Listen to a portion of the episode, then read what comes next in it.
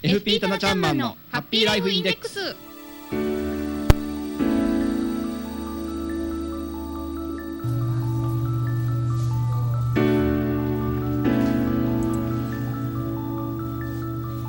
タナちゃんマンのハッピーライフインデックス。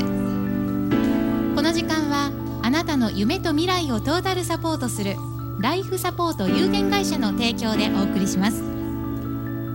私たちと一緒にぜひ明るい未来幸せな生活になるためのマネーライフを考えてみませんか？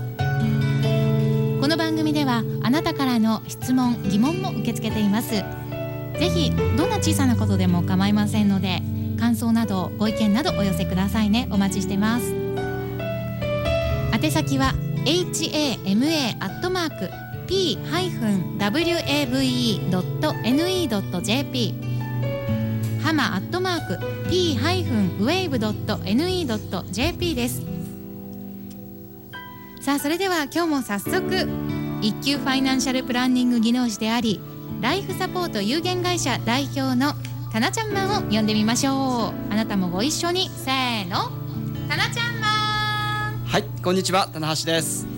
今日もよろしくお願いします。こちらこそお願いします。はい。今日はファミリー連れもね本当、ね、多い浜園ターミナルなんですけど、ね、かなりあの注目も花井さん今であの、はい、子供たちの視線とかもさっきから集まってますよね、ね。はい、今日もよろしくお願いします。お願いいたします。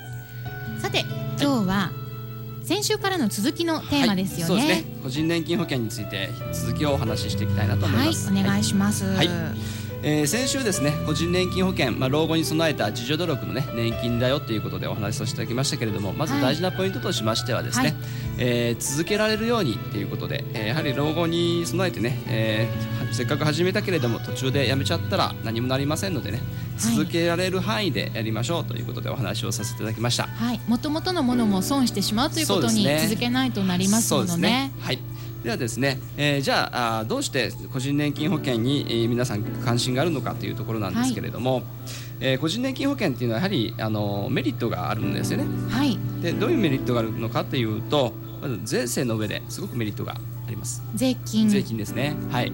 えーと、皆さん年末になりますと年末調整をね受けられる、まあ、サラリーマンの方はね年末調整という形で、えー、税金をね納めて、えー、いくらか返ってくると思うんですけれども、はい、その中での生命保険料控除っていうのがあります、ね、ありますよね。あの生命保険会社から、はい、えー、毎年10月ぐらいかなにあのはがきあるいは郵便でね、えー、封書で、えー、生命保険料控除の証明書というものを郵送で、えー、送ってくると思うんですけれども、はい、それとは別枠でですね、えー、個人年金保険料控除というのが受けられるんですね。そうなんです、ね、ですので生命保険料控除と個人年金保険料控除と合わせて最高所得税で10万円のですね所得控除を受けることができる。ですね。そうなんですか。はい。といったですね、えー、個人年金保険にはそういう税金の上でのメリットもあります。ですので、はい、えー、まあ生命保険で、えー、毎日のことを備えて老後に備えは個人年金保険であ個人年金でどうですかというようなねあのお話になってくるということなんですけれども、はい、ここでその個人年金保険料控除を受けるにあたりましても、ね、実は注意点があります。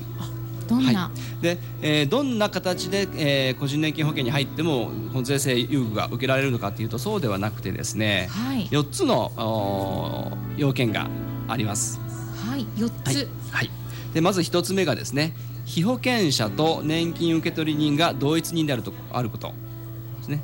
はい、はい、例えば契約者がご主人で被保険者が奥さんで受取人をご主人ってなっちゃうとダメなんですよね。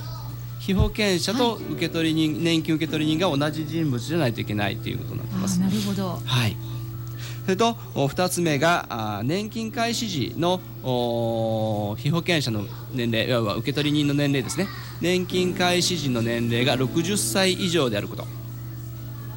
えー、受け取る時の年齢が。そうですね、ね、はい。ですので、はい、えー、例えば55歳まで年金保険料を払い込んで55歳から年金を受け取りますよといった契約。この場合は税制の控除の特例を受けることができないということですね。あそうなんですね、はい、60歳以上で年金受け取りを開始しないといけない、はい、えー、それと3点目3つ目がですね、えー、年金受け取り期間ですね。が10年以上あること。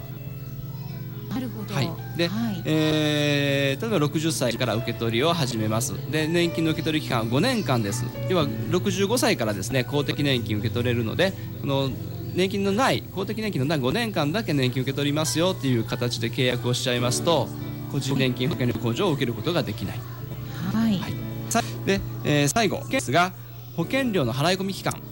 これが最低10年以上あること。なるほど。はい、だから、はいえー年金保険料をおですね、えー一括払い一時払いとかですね前期全納して、えー前期全納はいいのか、えー一時払いですね。一時払いで払っちゃうっていうふうにしちゃいますと、はい。おその払い込んだ1年目も受けることができないという形ですね払い込み期間はそうなんですね。10年以上払わないといけないじゃあ、ね一括でお金がある方も払い込むっていうことはダメなんですね。そうですね。あの税金の、うん。あの保険の契約ができますよ。保険の契約ができるんですけれども、税金のメリットを受けることができないという形になりますね。うん。うんはい。なるほど、せっかくですからこのメリットをね個人年金の税制でのメリットを受けてそうですねお得に使っていただいた方がいいですよね。そうですよね。ですので、うん。えー運用利回りが結構高いですし、それプラスう税金でのお毎年のね、えーその60う払い込む間のね税金の年末調整で返ってくるお金が多い。はい。たくさん返ってきますからね。当然控除が多くなりますから、はいええ。メリットをお合わせて考えていくいけばメリットとして大きいのかなっていうふうには思いますよね。なるほど、はい。返ってくるその、えー金額の割合的なものはその契約の内容によってまたそうですね違うんですよね。そうですね。ですので、えー契約されるご年齢あるいはあー受け取りを開始される解消されるご年齢によっても当然違いますし、はいももちろん保険会社によって違ってきます。はい、はいこなるほど、はい。個人年金今日はお話をいただいております。で個人年金この税金には関係ないんですけれども、ええ。はいえー個人年金にも、えー受け取りの形にですねいろんな種類がありますのでね。それも、はい。あのー加入されるときにご確認いただければなというふうに思います。受け取りのはい、そうですね。えー先ほど言いましたように受け取り期間が、えー確実に決まっているもの、えー確定年金っていうんですけれども、のはい確定年金の5年ですよ、10年ですよ、15年ですよっていったものもありますし、例えば終身年金という形で受け取ることができるものもあります。ああそうなんですね。はい。で、えーどういった形で自分が加入をした方が自分にとってメリットが大きいのかっていうところをですねよく確認しながらあー選んでいけばいいのかなというふうに思いますう。んなるほど。はい普通のあの年金とまた別でこのように、そうですね各保険会社が用意しているそうですね。個人年金、はい。はい有効に利用して、ね今後の生活のこう計画としてそうですね作ってい。かれるとはいい、いですよね。老後の計画としてね、老後のライフプランニングの一つということで、はいえー考えていただければと思います。で、就寝保険なんですが、就寝保険にもですね、えー最低、えー支払いのですね保証期間がついたものもありますし、はいそれがないものもありますのでね。はい就寝保険選ばれるときには、あ年金受け取れる期間が保証されているのかどうなのかというところも確認される必要があるのかなというふうには思います。はい、わかりました。はなかなかねあの生命保険を契約されるまたいろいろな保険を契約される時にもね注意事項を、えーここを見逃してたとかね、はいそういうことでねはいあ思ってたものじゃなかったなという方も経験が終わり、そうですね。よくご相談に見える方はそういうことが多いですね。はいはい。個人年金も同じように、はいい、ろいろな特徴がはい。各会社や商品によってそうですね。あるということで、はい。はい、詳しくはご相談いただきたいですよね。そうですね。はいどんなことでもお気軽にお尋ねいただければなと思います。はい、えーぜひライフサポート有限会社にも直接お気軽にお出かけください。はい四日市市の生桑町にあります。はいタナちゃんマンのあのステッカはい。ーね目印も大変可愛いキャラクターも、は。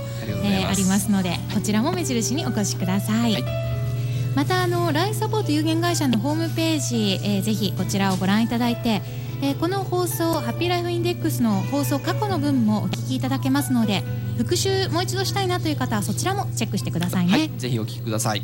はい。